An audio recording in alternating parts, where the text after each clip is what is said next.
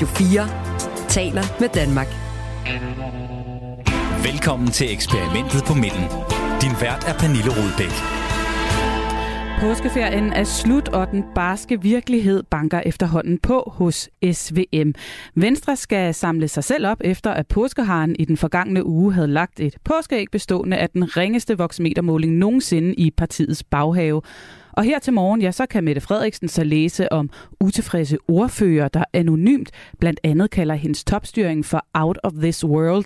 Det kan hun i din avis, Bjarne Korydon, fik øh, statsministeren morgenkaffen galt i halsen, da hun læste børsen her til morgen. De tror jeg, hun er for cool til, men hun er da nok lige bit lidt ekstra hårdt i croissanten.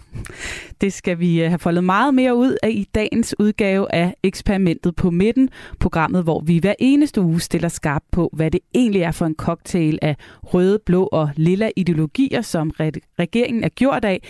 Er det den, der for alvor sætter skub i reformer og handlekraft, eller er det en sprængfarlig bombe, der risikerer at gå af alt for tidligt? Velkommen til. Du lytter til Radio 4. Og dermed vil jeg også øh, byde velkommen til dagens panel i dag med to tidligere ministre og en tidligere ministerrådgiver. Bjarne Korydon, lad os lige få præsenteret dig ordentligt. Nu fik du lige lov at pipe her i uh, introen. Velkommen til. Tak. Du er jo uh, tidligere finansminister i SSFR-regeringen i et tæt parløb med Torning fra 2011 til 2015. I dag er du ansvarshavende chefredaktør på Børsen. Holder man mere påskeferie som chefredaktør end som finansminister? Det skal jeg lige love dig for. Har det været dejligt? Det har været mega dejligt. Også uh, velkommen til dig, Mette Bock. Tak for det. Med fra vores øh, studie i Aarhus, tidligere kultur- og kirkeminister for Liberal Alliance fra 2016 til 2019. I dag sovnepræst i Horsens. Hvis du skulle pege på en ting, som uh, du kunne tage med dig fra Christiansborg til prædikestolen, hvad skulle det så være? Det er skælne meget skarpt imellem prædikestol og talerstol. så absolut ingenting. Og øh, endelig også velkommen til dig, Anders Fransen, øh, tidligere særlig rådgiver for øh, daværende klima- og energiminister Conny Hedegaard og videnskabsminister Charlotte Salmen Madsen, to tidligere konservative øh, ministre. I dag der er du øh, direktør i Dansk Skovforening. Jeg har jo som altid bedt jer om at skulle pege på noget, der er gået godt, og noget, der er gået skidt fra den seneste uge, men det har været påskeferie. Har det været en svær opgave? Ja, den har ikke været, øh, været helt nem, fordi mange ting har jo ligget lidt, øh, lidt stille, øh, men, men lidt har vi da øh, sikkert. Øh, Så du har på. lavet lektier? Ja, det har jeg da prøvet på. Rigtig dejligt at øh, have jer med alle tre, og øh, sidder du derude og lytter med og får lyst til at byde ind, så husk, at sms'en som altid er åben på 1424. Radio 4 taler med Danmark. Hvis Troels Lund Poulsen har brugt påsken på at få genopfrisket påskeevangeliet, så har det måske været med en særlig indlevelse eller identifikation med Jesus sidste dage. Først kommer Palmesøndag, hvor øh, Jerusalem byder Jesus velkommen på sit æsel med viftende palmegrene, nærmest som da hans elskede venstre kom ridende ind på Jakob Ellemann Jensen i favnen på Mette Frederiksen.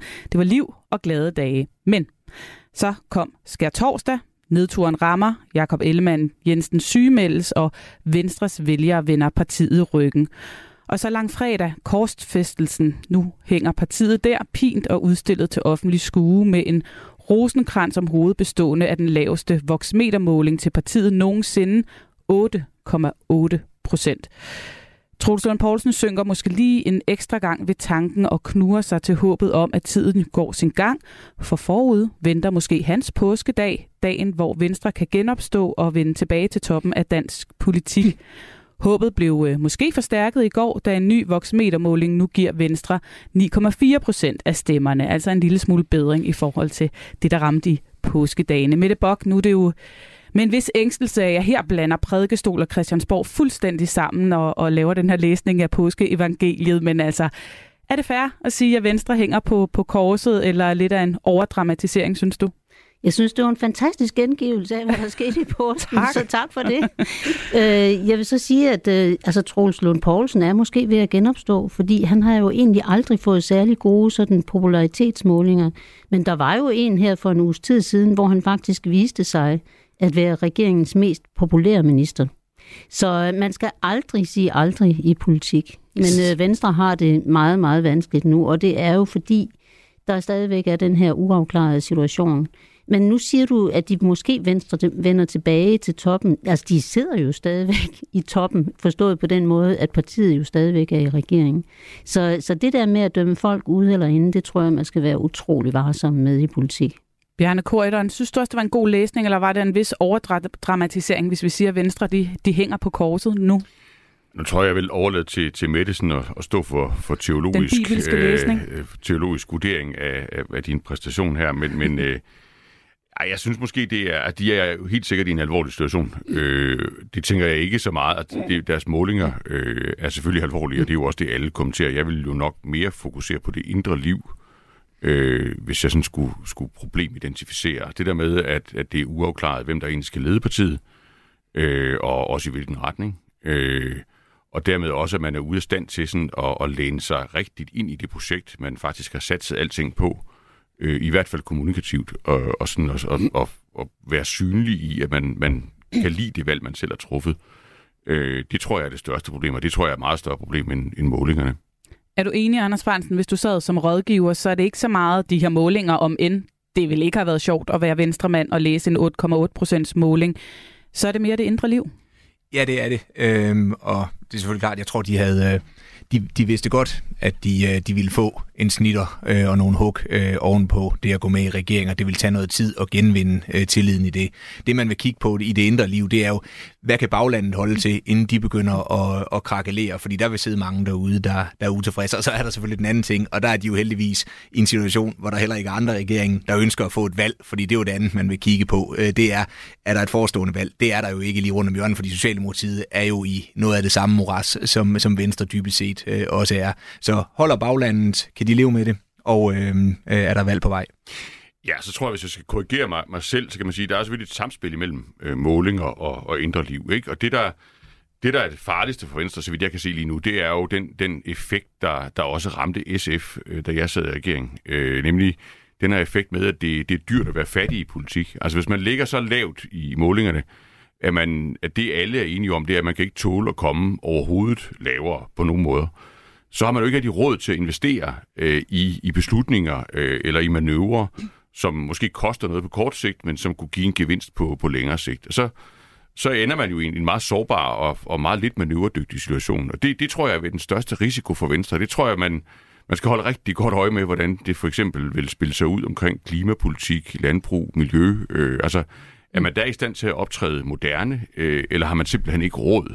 Øh, og den største risiko, der lurer på Venstre, hvis du spørger mig, jamen, det er, at de ender som regeringens SF. Altså som sådan som det parti, de andre skal tage hensyn til hele tiden, øh, fordi de dem, ikke det er synd for. Ja, dem det er synd for, og dem der ikke rigtig har, har råd til at være med øh, ved bordet, altså dybest set ikke har, har penge til at skyde de indsatser ind, der skal, der skal være med til at, og sådan rigtig at spille poker.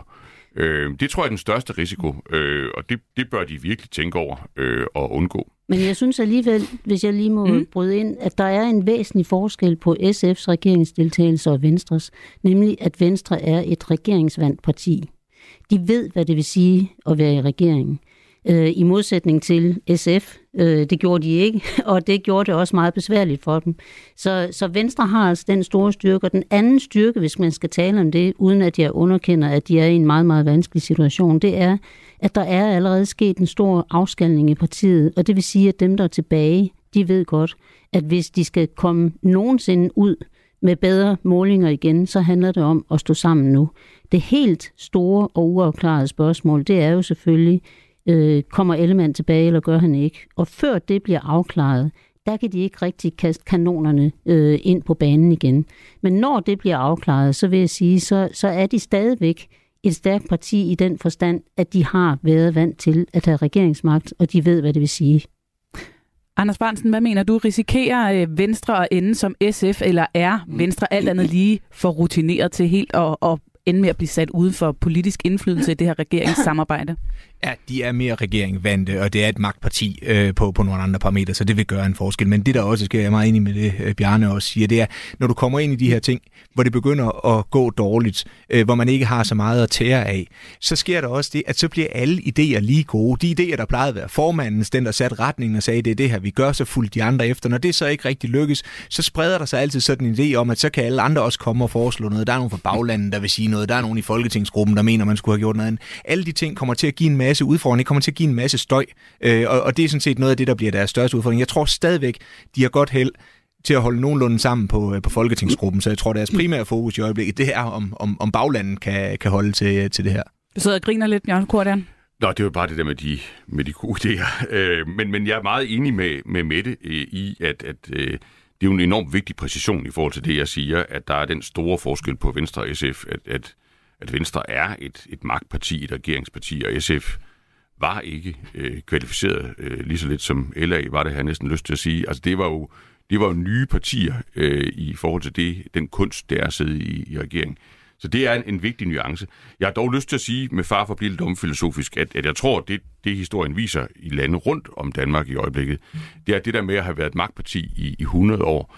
Det er ikke nogen garanti øh, imod nedsmeltning. Så hvis man ligesom læner sig tilbage og tænker, at der er sådan en eller anden form for naturlov, mm. som sikrer, at, at vi, vi, vi kan det her, vi har det ligesom på ryggraden, øh, så tror jeg, man tager fejl. Øh, så, og må ikke de er bevidst om det øh, internt, det, det er egentlig min fornemmelse, øh, at de at de ser ret nøgternt på den situation. Lad os vende lidt tilbage til, hvad Venstre så gør nu, mm. øh, for måske at, at komme den her krise, hvis vi kan kalde det til, øh, lidt i, i møde. Men, men først, med Bok, vil jeg gerne lige gribe fat i noget af det, du sagde i forhold til Jakob Ellemann Jensen. Det er jo altså øh, to måneder siden, at han er blevet sygemeldt. I en klumme i øh, Jyllandsposten, der har du netop skrevet om den her sygemelding. Du skriver blandt andet, lige nu topper presset på den sygemeldte Jakob Ellemann. Det er på ingen måde øh, lettet under sygemeldingen, og tålmodigheden hos omgivelserne er slidt. Der skal afklaring til, men hvilken kommer Ellemann tilbage, eller forlader han politik, uanset hvad han gør, har det afgrundsdybe konsekvenser, personligt og politisk. Står øh, Venstre simpelthen ved en skillevej i forhold til Ellemanns sygemelding nu, Mette Bock? Ja, det gør de, fordi hvis han øh, vælger at sige, jeg har ikke det, jeg skal have for at, øh, at vende tilbage til politik, undskyld, så, øh, så åbner jo hele spørgsmålet om, dels hvem skal så være den nye formand, men også om man skal fortsætte i regeringen, eller om man skal gå ud. Og der kommer Venstre til at stå i en vanvittigt sårbar situation. Fordi hvis vi så ser bort fra de personlige konsekvenser for Jakob Ellemann, så vil det her jo, hvis man vælger for eksempel at gå ud af regeringen, hvad jeg ikke tror, men hvis man valgte det, så har vi pludselig ikke en flertalsregering mere, men en mindretalsregering. Og så er det en fuldstændig anden situation, end den vi står i nu. Fordi så længe vi har en flertalsregering, selvom de får bøllebank i målingerne, så er der lang tid til næste valg, og jeg tror, at de er så professionelle, især Lykke og Mette Frederiksen, at de har så meget is i maven, at de kan se igennem det, selvom de selvfølgelig ikke skal negligere det. Men hvis Venstre går ud af regeringen, så er alt i spil igen.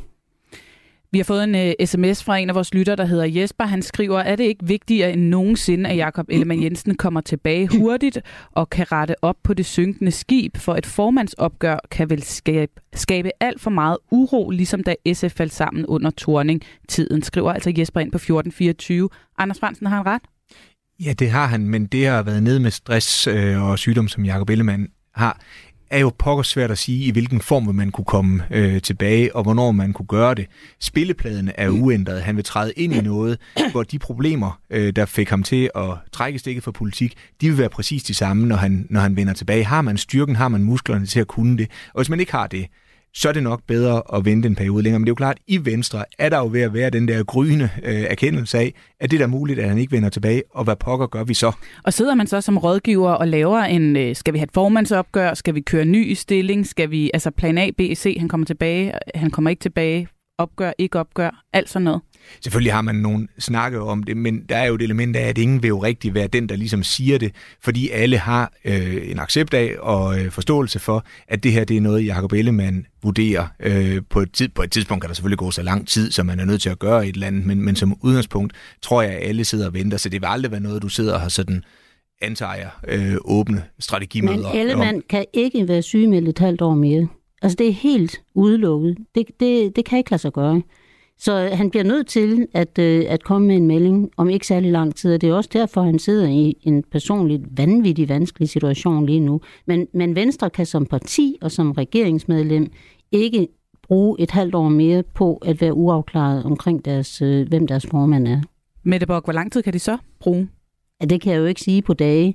Men altså, jeg mener, presset har været tiltagende her i de sidste uger op til påske og hen over påsken. Så jeg vil tro, at der kommer en afklaring relativt hurtigt. En afklaring eller en melding? Altså, kan man komme med sådan en midtvejsmelding, eller skal der en afklaring, en endelig afklaring til, mener du? Altså, den næste melding, der skal komme fra Ellemann, det er enten, jeg kommer tilbage, eller jeg kommer ikke tilbage.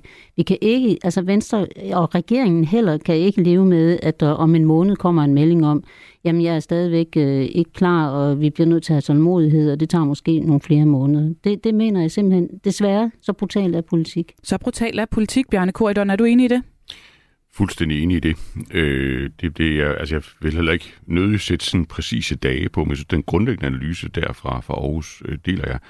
Jeg deler så måske ikke helt sms-analysen øh, af, at det, at det eneste øh, positive ud, udfald for Venstre vil være, at, at han kom tilbage som, som før. Det, det er jo en mulighed, og det er jo, det er jo et spil, øh, og det må man jo da håbe for ham selv, øh, sådan på, på det rent personlige plan.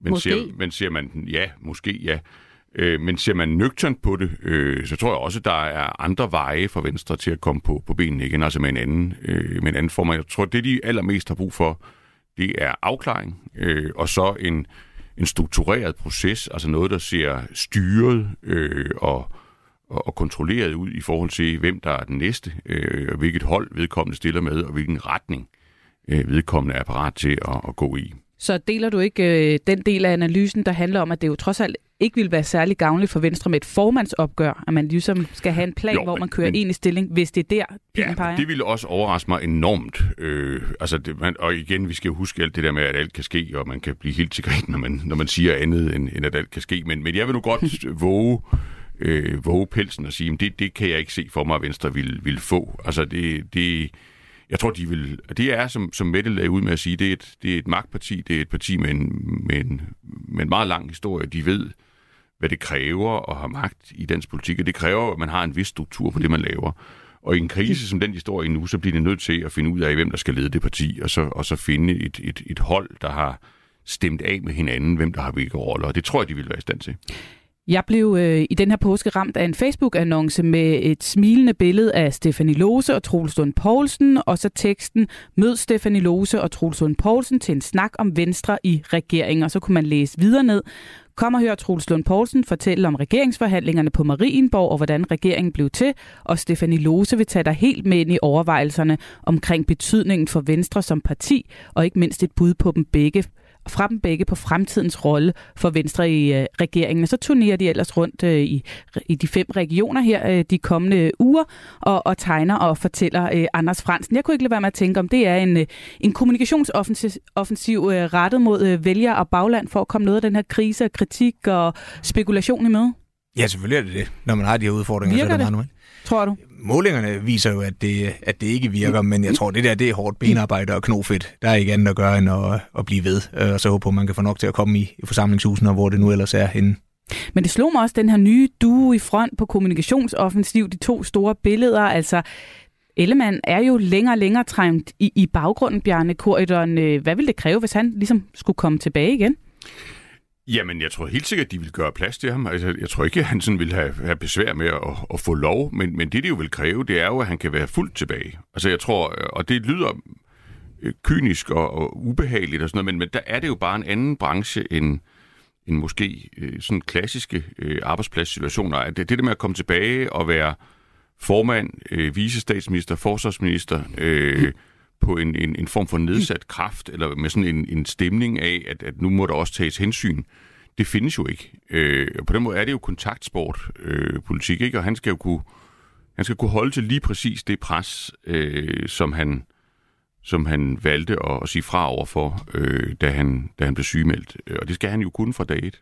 Jeg synes faktisk, at det, det er en ret interessant annonce, den du mm. peger på der, fordi det, det er jo, altså de to mennesker, Stefanie Lose og Troels, de er et godt par på den måde, at Troels har været på Christiansborg i rigtig, rigtig mange år. Han er erfaren minister og alt muligt andet. Stefanie Lose, hun er ny i landspolitikken. Nu er hun da også kun som vikar, men hun er meget, meget populær ude i regionerne og i baglandet.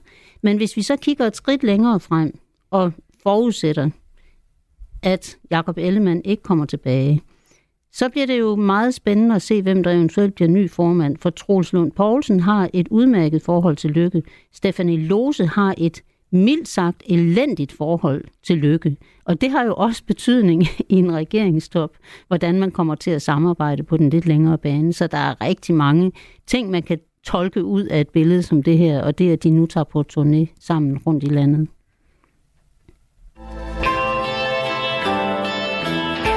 Det er på mange måder befrielsens øjeblik. Og med det er vi nået til et øh, fast element her i programmet, som vi jo altså kalder for befrielsens øjeblik. Jeg har bedt jer alle sammen om at kigge godt efter, øh, hvad der er sket for regeringen den seneste uge, og i anledning af påskeferien vil jeg også øh, udvide øh, den grænse en lille smule, for det kan jo være, at man har haft behov for at kigge lidt længere tilbage, eller kigge lidt frem, det ved jeg ikke.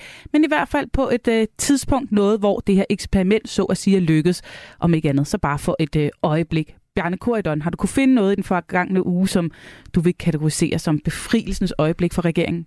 Ja, og jeg har da også skrevet om det i min avis, øh, fordi jeg prøver jo at gøre, hvad jeg kan for at, at øh, tilpasse mig det her program. Øh, så, øh, oh, det var så jeg synes, derfor, jeg du synes jo, at, øh, Jeg synes jo, det øh, interview, øh, udenrigsministeren Lars Løkke gav om, øh, den, øh, han varslede, der vil komme en ny strategi for dansk udenrigspolitik, øh, og sætte nogle overskrifter på det, altså en, en mere pragmatisk øh, udenrigspolitik. Øh, det synes jeg var øh, et, et, et fuldstændig tydeligt tegn på, hvad man kan med den her type regering. Altså, øh, jeg tror, det han sagde der, nu sagde han det meget abstrakt og forblommet, så der var ikke noget sådan særlig substans i interviewet. Men det er jo et meget godt spejl på, på, på de, altså, at man forholder sig til de realiteter, øh, som Danmark skal forholde sig til i verden omkring os, og som også mange af de interesser, vi har i Danmark, vores erhvervsliv, øh, økonomisk osv., som, hvor man virkelig har brug for, at, at man i stedet for alt muligt flommesnak, øh, ligesom for få kigget på, hvordan vi gebærder os i verden. Og det synes jeg var en, en stor gevinst og befriende. Øh, virkelig ægte befriende. Og, Ægte befriende for dig, men, men, men også for øh, det her eksperiment. Altså var det ikke noget, han kunne have gjort som udenrigsminister i en rent borgerlig regering? Ja, man kan sige, at han var da i hvert fald chef for en rent borgerlig regering, som ikke gjorde det. Øh, så så, så det, det kan man da notere sig. Øh, så så kan der selvfølgelig være mange årsager. Det kan, han vil jo sikkert selv sige, at det er fordi øh, verden har ændret sig øh, enormt siden mm. dengang, og nu forholder han sig til krigen i Ukraine og øh, Kina versus USA osv. osv. Det er jo også muligt. Men, men for mig var det endnu en af efterhånden utallige brækker, øh, i, i, som man har set siden regeringsskiftet, i retning af en, en velgørende, øh, altså efter mine værdier velgørende øh, normalisering af regeringsførelsen i, i Danmark. Altså hvor det her det, der er fagligt rigtigt, det, der er rationelt, får lov at fylde mere, end det, der handlede om ideologi og kommunikation og markeringer. Øh, det synes jeg var skønt. Jeg, jeg følte mig virkelig befriet der, da jeg åbnede Jyllandsposten. Pragmatisk idealisme har Bjarne Korydon peget på som befrielsens øjeblik. Anders Brandsen, hvad har du fået øje på? Jamen, jeg synes i sådan lidt mere spinafdeling Christian Rabias melding om, at øh, man mangler en opposition, der til, bare skal til at hedde en, øh, en, en, en nej-fløj eller et eller andet i, ja. i den dur, synes jeg egentlig er et meget godt bud, fordi det er regeringens mulighed. Det er at få skabt et billede af, at der reelt ikke er en opposition, der kan noget, vil noget, eller har et reelt bud på, hvad, hvad fremtiden skal, skal bringe, og dermed minde vælgerne om, at det eneste levedygtige, duelige øh, mulighed, der er, det er den regering, der, der er nu. Altså den politiske ordfører for Socialdemokratiet, der har været ude i et indlæg her i påsken også at sige, at det eneste oppositionen kan samles om, det er at sige nej. Lykkes han så med den spinmanøvre? Jamen, jeg tror, det er en meget svær vej. For det første, fordi regeringen har 90 mandater, så den kan jo gennemføre de ting, den vil, uden en, øh, en opposition. Øh, og det er også til at gennemskue øh, spændet i det, mm. hvad det er, man ønsker at opnå, øh, hvilket øh, selv sagt heller ikke gør det øh, sådan specielt øh, vellykket. Men det er den vej, de har. Det er at minde vælgerne om, her er der en regering, der hen over midten træffer fornuftige, rationelle beslutninger, hvor de prøver at have en balance mellem mange forskellige hensyn, hensyn til økonomi, hensyn til velfærd, hensyn til klima osv., uden at noget af det går for langt ud af den ene eller den anden tangent. Det er jo lige præcis det, de, øh, de ønsker at vise, og det er det, jeg egentlig synes, han prøver sådan at få mm. intoneret, mm. og det er det, de skal prøve de næste to-tre år Og det at der ikke rigtig er noget projekt øh, uden for regeringen, Præcis. som øh, kan, kan kunne danne et flertal. Mette Bock, øh, hvad har du fået øje på som befrielsens øjeblik? Jamen, jeg vil nævne præcis øh, Christian Råbjerg Madsens indlæg også, og det er jo fordi, det kan jo være en befrielse, hvis man får lettet et tryk. Man får slået en brud. øh, og øh, det her, det er selvfølgelig en brud, som øh, oppositionen på begge sider af regeringen straks afviser og siger, at det er bare fordi, de ikke lykkes med noget, og fordi de er under pres og alt muligt andet. Ikke? Men nu er brudden i rummet. Altså det er blevet sagt, og det betyder også, at, øh, at oppositionspartierne bliver nødt til selv at være opmærksom på, om de kommer til at fremstå som nogen, der bare siger nej til alt. Altså nu er opposition, det ved du også, øh, Bjarne, du har selv siddet i regeringen, at oppositionspartier, de kan virkelig være irriterende. En ting er, at de er kritiske, det skal de være, men de kan også være decideret destruktive og ødelægge alt, selv det, der er rationelt gode idéer, som alle kan se er gode idéer.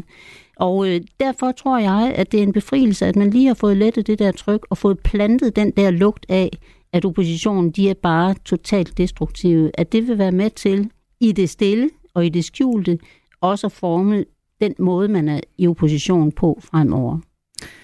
Christian Rabia Madsen fik øh, ventileret eller slået en prut. Tak for øh, det bud med det bok og det fine skønmaleri af, af befrielsens øjeblik fra din side, og tak for alle jeres øh, andres gode bud. Radio 4 taler med Danmark.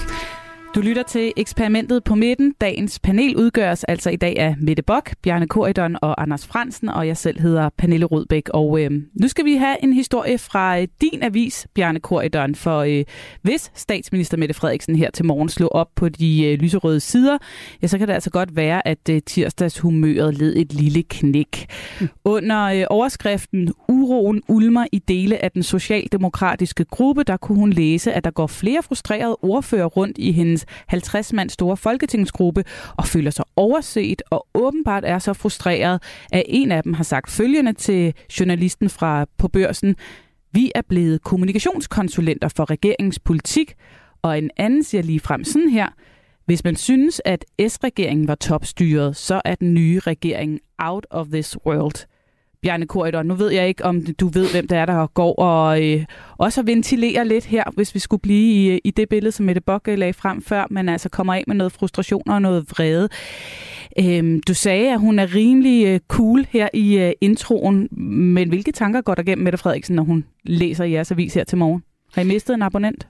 Nej, det tror jeg da ikke, vi, vi har set. Det, det er selvfølgelig irriterende. Jeg tror da også, hun vil, vil følge op øh, øh, på, på sådan en historie som det der, men man kan sige, i forhold til, hvad der kan være historie om intern uro, og det er virkelig ikke fortælle min egen avises historie ned, øh, så er det her jo i den, i den klart øh, milde afdeling. Altså, når, når, altså, hvis man kigger på historien for anonyme citater øh, i, øh, i, i partier i krise, øh, så er der jo godt nok blevet sagt nogle saftige ting i, i årenes løb, øh, hvor man også sådan virkelig har placeret et ansvar hos hinanden, øh, altså dolke i ryggen, der, der for alvor øh, sidder. Øh, og, og det er det her jo ikke. Altså det er jo, det er jo mere sådan en... Øh, et signal om, øh, om noget utilfredshed og en, en ny situation for hende. Helt klart en ny situation, hvor hun ikke har lige så meget kontrol over sit parti, som hun havde i, i sidste valgperiode. Og det tror jeg jo, øh, der helt klart vil være, vil være bekymrende. Men det er jo ikke kritisk. Ikke kritisk, Anders Brandsen. Du markerede. Hvad tænker man egentlig som rådgiver, når ordfører på den her måde sådan begynder at pipe med deres utilfredshed anonymt i pressen? Jamen, det kan selvfølgelig være lidt, øh, lidt irriterende, men jeg tror, man har ikke en regering i de nyere tid, der ikke er blevet beskyldt for topstyring. Jeg mener også, at øh, Bjarne Gøjdons egen regering blev i sin tid beskyldt for, øh, det kan for, være, vi kommer tilbage for, til det. For, for, for topstyring. Ja. Øh, så det sker selvfølgelig. Øh, og hvis ikke man har det, så styrer man heller ikke rigtigt. Så det tror jeg ikke giver det store problemer. Det jeg egentlig synes, der er lidt øh, overraskende i det her, det er to ting. Det er, at regeringen har haft en meget klar ambition om, at ordførerne skulle inddrages rigtig meget, og de skulle arbejde rigtig godt sammen, når de er blevet inviteret på Marienborg, og jeg ved ikke hvad, øh, for at få det der samarbejde til at blive godt. Og det har til synligheden ikke virket efter hensigten i statsministerens eget parti. Det tror jeg vil være et opmærksomhedspunkt øh, for hende. Øh, og øhm, øh, ja, øh, derudover så er der også den næste ting, det er, i den tidligere regering var der aldrig nogen, der kvækkede et eneste ukvemsord over statsministerens øh, regeringsførelse øh, fra Socialdemokratiet. Der var ubetinget loyalitet i Folketingsgruppen, og der tror jeg, at det skal man notere sig også, at, at nu er der rent faktisk nogen, der om end anonymt går ud og, øh, og retter en, øh, en kritik.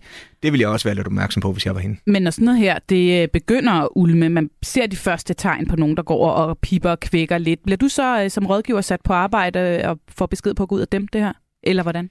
Ej, jeg tror, i starten vil man lade sådan noget øh, passere og lade det stå lidt, og så vil man tage det på et øh, gruppemøde også, og så vil man sikkert på et eller andet tidspunkt lægge op til et gruppeseminar, hvis det ulmer fortsat, hvor man så skal drøfte nogle af, af, af de her ting. Øh, det vil være noget, man... Altså, det er sjældent, man vil gå ud og, og håndtere den slags i, uh, i pressen. Det vil være stærkt uhensigtsmæssigt.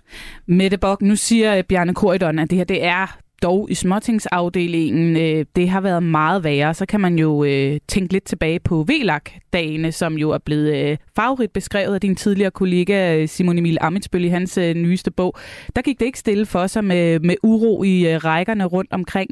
Er du enig med Bjarne Korydon, at det her det er i den absolute light-udgave, det vi ser lige her? Ja, det synes jeg bestemt. Altså man skal jo tænke på, at, at øh, Socialdemokraterne har ikke kun skulle afgive en lang række ministerposter, fordi der nu er kommet to nye partier ind i regeringen. Det er virkelig ubehageligt.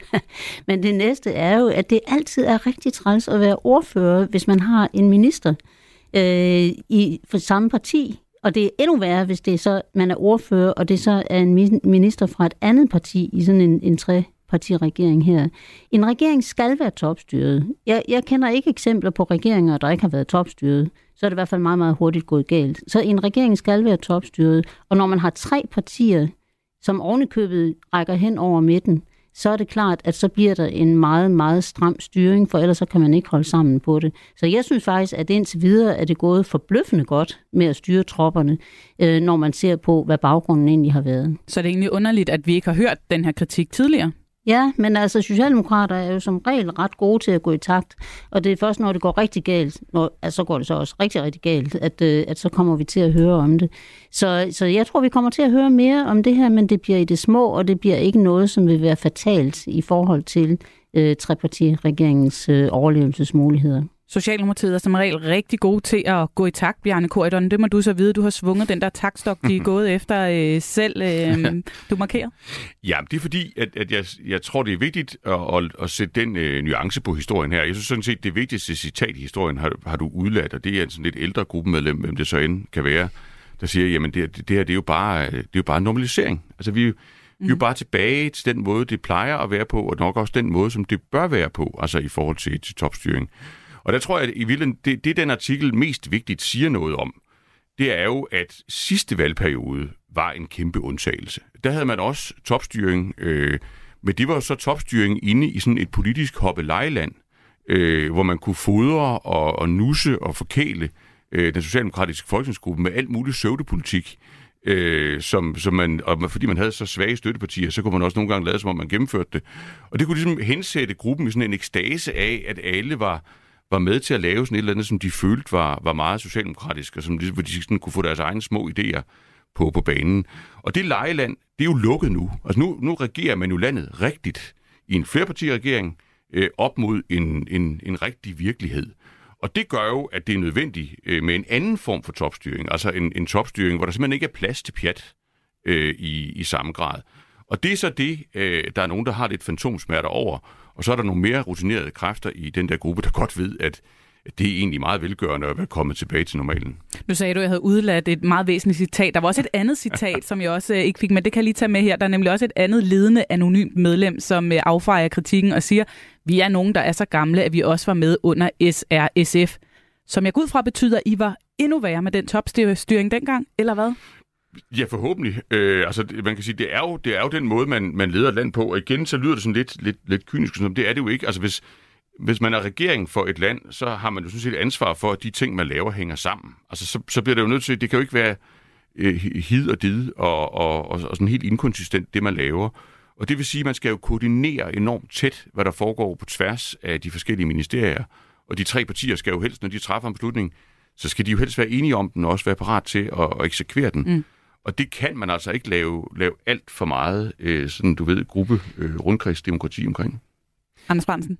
Nej, og så er det også, at historien om topstyring, de kommer som regel, når det ikke går så godt i, øh, i målingerne, øh, for at vende lidt tilbage til det, jeg sagde før, med de mange idéer, øh, som Folketingsgruppen kan have, og, og ting, de gerne vil. Når, når det begynder at gå dårligt, så synes de, så skulle man have gjort noget, øh, noget andet. Så det er som regel der, kritikken opstår. Den opstår sjældent, når man buller op i målingerne og ligger på, på 30 procent, øh, som man øh, gjorde i den, i den tidligere regeringsperiode fra, fra 19.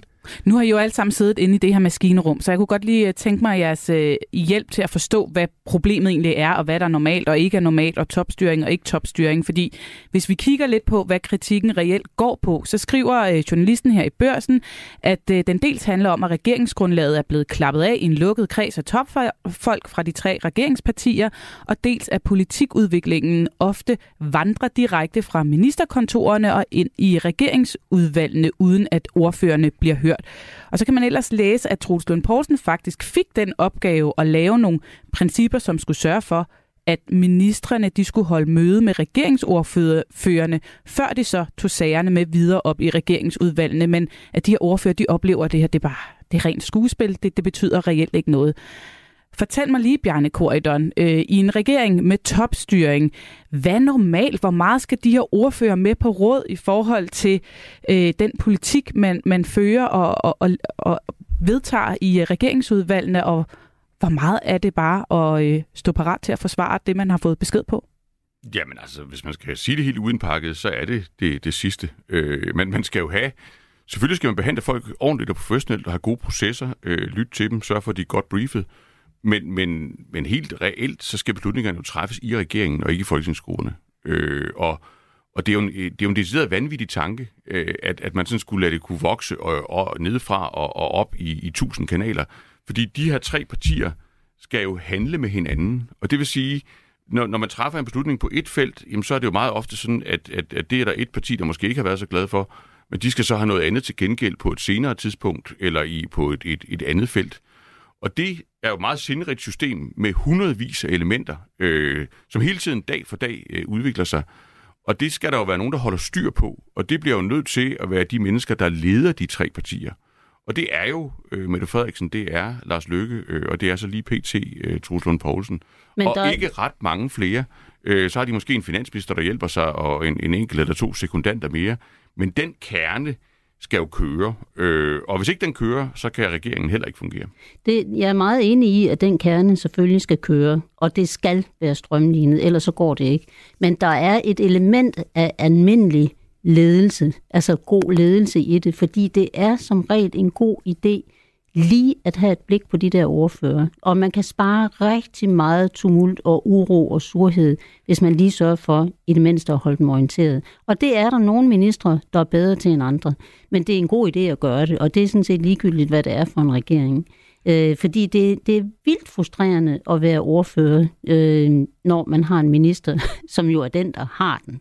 Og så er ovenikøbet måske ikke engang er den, der har den helt, fordi der er en topledelse i de tre partier, som er dem, som sidder rigtig for bordenden. Men det er altså en god investering at lade være med at køre sine ordfører over alt for tit. Og det kan jeg godt forstå. Nu var det Troels Lund Poulsen, der kom i spidsen for, for dem, som skulle ligesom sørge for at lave nogle regler for det. Og han ligger jo mildt sagt vandret i luften lige nu. Og det er der ikke rigtig nogen, der har grebet. Øh, og det, det er bare, det, det er træls, men det er altså ikke ualmindeligt.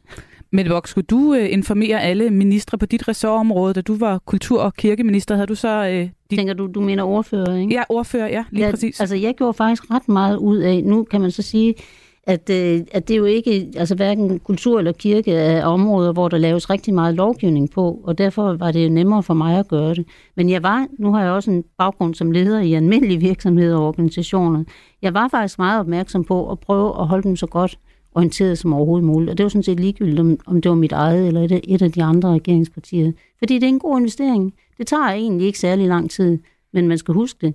Men det kan være en god investering.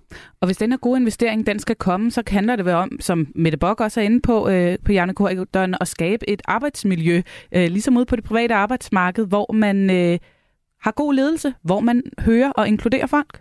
Fuldstændig. Øh, og jeg vil meget nyde have, at man skulle høre mig øh, anderledes. Så det, det, det, er, det er en ganske rigtig jagttagelse, at den tid er givet godt ud øh, øh, på at briefe, på at i øvrigt at lytte, øh, optræde høfligt.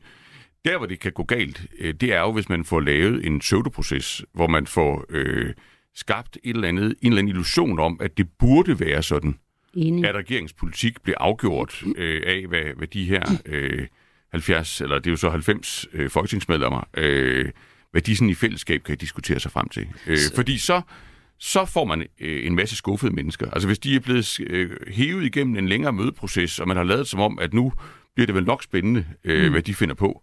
Og så viser det sig bagefter, jamen det var helt ligegyldigt, hvad de fandt på, for der, der var nogle andre, der havde diskuteret det på forhånd. Øh, så kan der komme frustration, øh, særligt hvis, hvis tingene så ikke går øh, specielt godt. Og, fuldstændig og det er vel det, vi hører her, hvor der er nogen, der kalder det for et skuespil, Præcis. oplever de det som. Men jeg tænker også, nu siger øh, Mette Bock det her med, at, at det altid er svært at være ordfører, især for en minister fra et andet parti, øh, hvor man, øh, altså, som i forvejen måske også er bundet op af en regeringsledelse, som også dikterer nogle ting. Og nu har vi en regering over midten, hvor det endda måske er gamle ærkefjender. Der sidder en ordfører, øh, socialdemokratisk ordfører for en, en venstreminister, som er bundet op på et regering. Altså, forværrer det ligesom øh, det pres altså, eller vil... den potentielle utilfredshed, der kan være blandt ordførerne? Altså, jeg vil lige sige én ting, og det ja. er, at der er nemlig en anden ting, man skal passe rigtig meget på. Det er, og det er der bare en tilbøjelighed til, og jeg forstår godt fristelsen, det er, at når der så er dårlige historier, så sender man ordføreren ud. Ikke? så hver gang der er et eller andet træls, der skal siges, så får de stakkels ordfører lov til at komme på banen. Men når der er noget godt at sige, så vil ministeren selv, og måske ovenikøbet statsministeren eller en af partilederne. Ikke? Så, så man skal altså passe lidt på de der ordfører der. Men så skal ordførerne jo også være forhåbentlig så professionelle, at de ved, at sådan er situationen. Og det er altså nogle andre, der, der sidder med faklen i hånden. Men, men det tror jeg helt rigtigt. Jeg tror bare, hvis nu vi...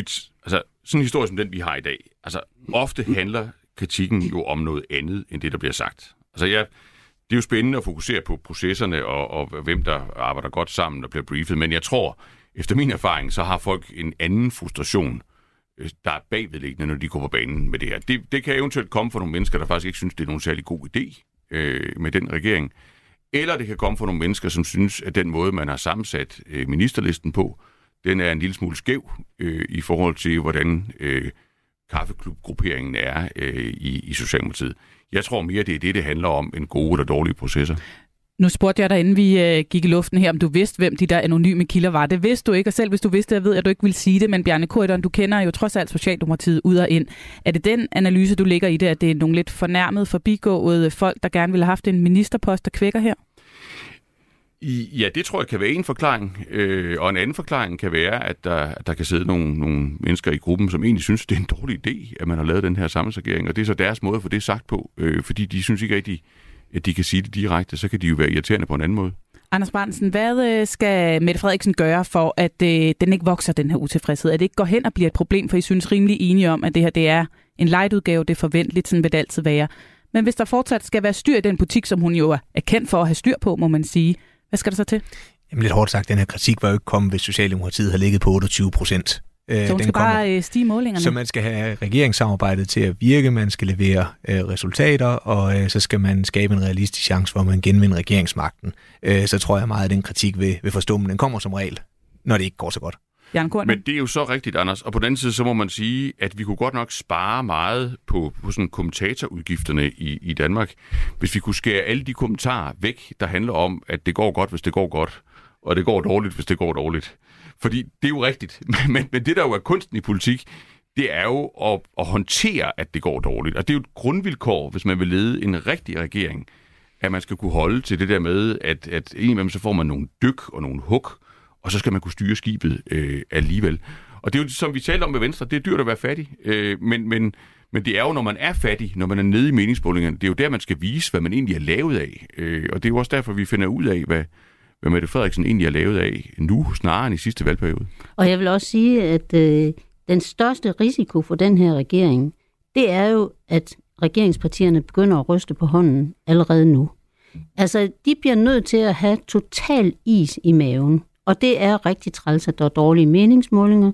Øh, det er ikke usædvanligt. De her de er så ekstremt dårlige i forhold til, at det er en ny regering. Men det allervigtigste nu, det er at holde kursen, holde farten, få skabt nogle resultater, øh, som gør, at man i løbet af den næste par år kan få rettet op på nogle af de der meningsmålinger.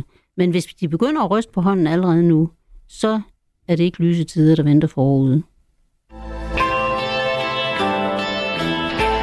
er jo en bastardregering. Ja, når man blander to eller tre ting, som ikke sådan umiddelbart passer sammen, så kan det jo også resultere i noget mærkeligt, en slags bastard, og det er det punkt, vi er nået til nu. Vi skal nemlig også have fundet ud af, hvad ugens politiske bastard for SVM-eksperimentet er. Og øh, Anders Brandsen, du får lov at lægge for. Hvad har du kunne få øje på, som du vil kategorisere som ugens bastard? Jamen det er jo de ting, vi har været rundt om. Det er jo meningsmålingerne, det er popularitetsmålingerne blandt øh, ministerne. Det her, det mm. tyder på at være en regering, som befolkningen jo ikke rigtig har, har taget til sig endnu. Det er så der, hvor de stadigvæk har en opgave med at få det øh, til at, at ændre sig.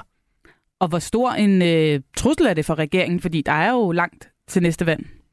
Jamen, den er jo ikke større end, at øh, altså, så længe de har deres 90 mandater, og der er ikke nogen af dem, der skal af, og det er der jo ikke noget, der, der tyder på, øh, jamen, så kan de sagtens øh, holde et, øh, et fast øh, skib på en fast øh, kurs, og så håbe på, at de kan få det til at ændre sig. Bjarne Korydon, hvad har du fået øje på? Tomhed, øh, og, og det må du undskylde, det er måske ikke så originalt et svar. Øh, jeg men, har ikke hørt det før, så på den nej, måde så er men det... jeg synes jo en rimelig tom påske, og nu nævnte jeg øh, lykkeinterview om udenrigspolitik, som jeg synes var interessant. Men ellers må man jo sige, at, øh, at de holdt fri i, øh, i posten, og det kan man jo godt forstå, de har sikkert trængt øh, til det.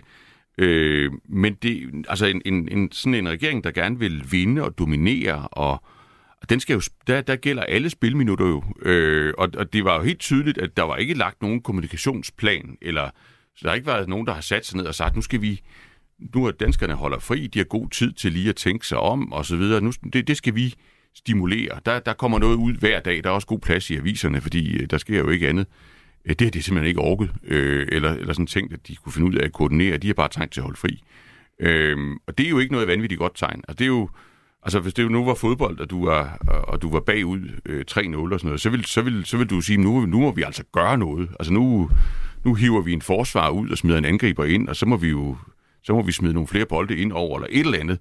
Og der, der, der synes jeg, at man, man ser, at den maskine, har de ikke øh, endnu, og slet ikke i fællesskab. Så hvad skulle de have gjort her i påsken? Hvad var det for en maskine, du havde øh, foretrukket se Nå, i gang men, her? Jamen, jeg, det, det, det er ikke fordi, jeg skal sidde her og spille klog. Altså, det, det er ikke sådan, at jeg tror, at man kunne have hævet det ene øh, eller det andet geniale forslag ud af ærmet, og så havde danskerne tænkt, nej, hvor dejligt med en, en milliard mere til dit eller dat. Altså, sådan tror jeg ikke, politik fungerer.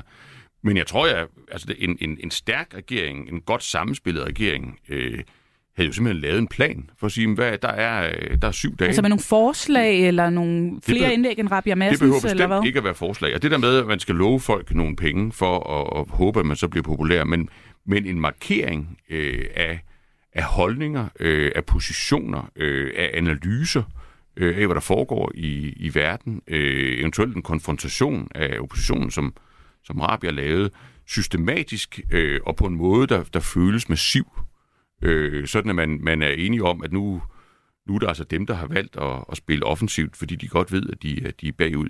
Det synes jeg ikke, man havde en fornemmelse af. Øh, og det, der må man sige, at alle snakker om, at der er god tid, og, og det er der jo også, men, men, øh, men alligevel, altså sådan en valgperiode går hurtigt, ikke? Man kan ikke tillade sig at spille ret mange uger øh, i, i det spil. Mette Bock, hvad synes du har været øh, ugens politiske bastard for SVM-regeringen? Jamen det er sådan en lille bastard, som har svømmet lidt rundt i det stille, men som risikerer at vokse sig til et kæmpestort monster her i den kommende tid. Og det er regeringens uddannelsesreform. Det udspil, der er kommet.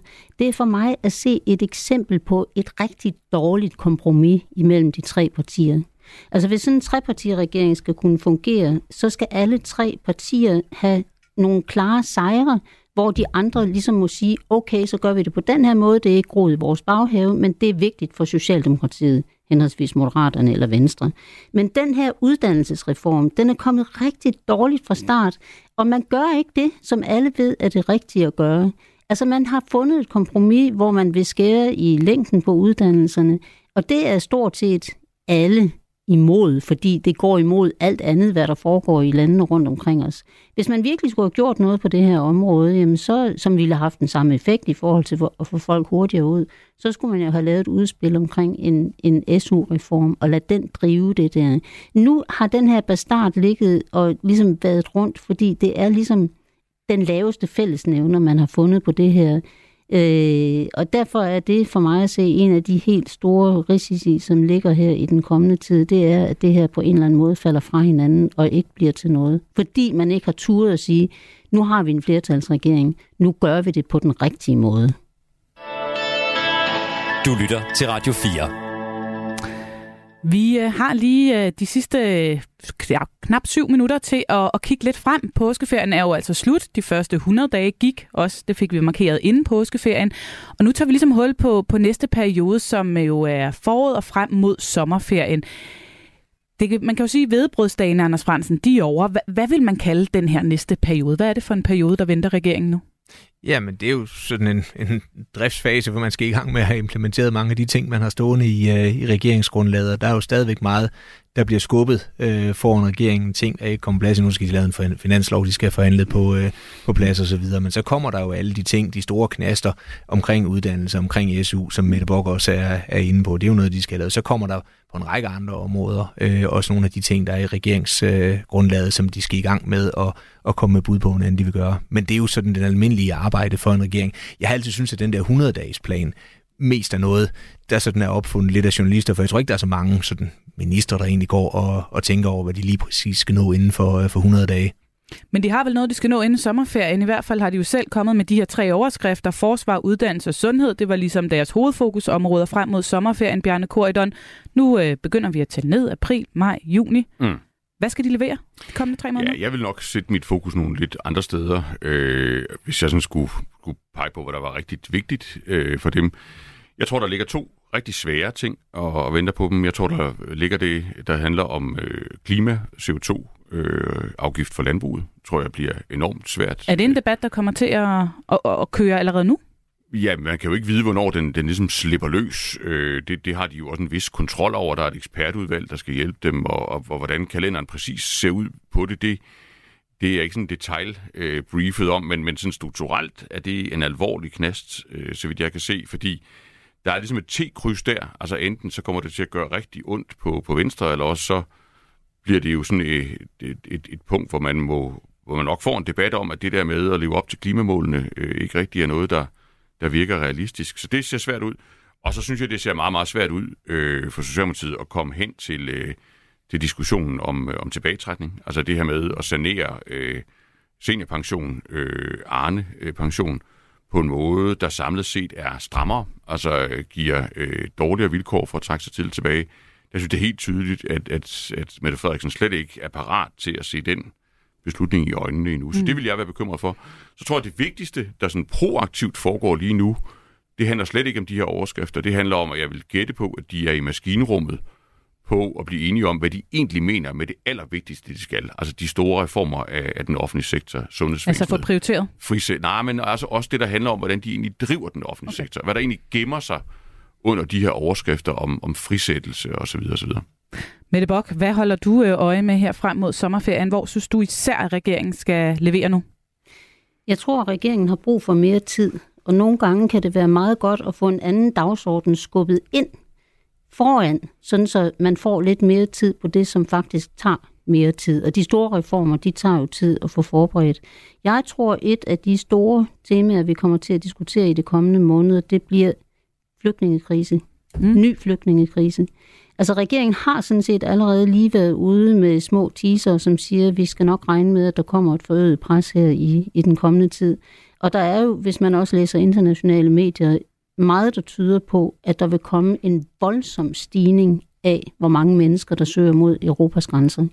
Og derfor tror jeg, at det er et emne, som mm. man bliver nødt til at få håndteret, og som måske kan føre frem til, at man endelig, endelig også ikke kun i Danmark, men i Europa som sådan, får løftet den her dagsorden, der handler om, er der nogle af de internationale konventioner, som vi bliver nødt til at reformere, fordi de er blevet lavet i en helt anden tid, nemlig typisk umiddelbart efter afslutningen af 2. verdenskrig.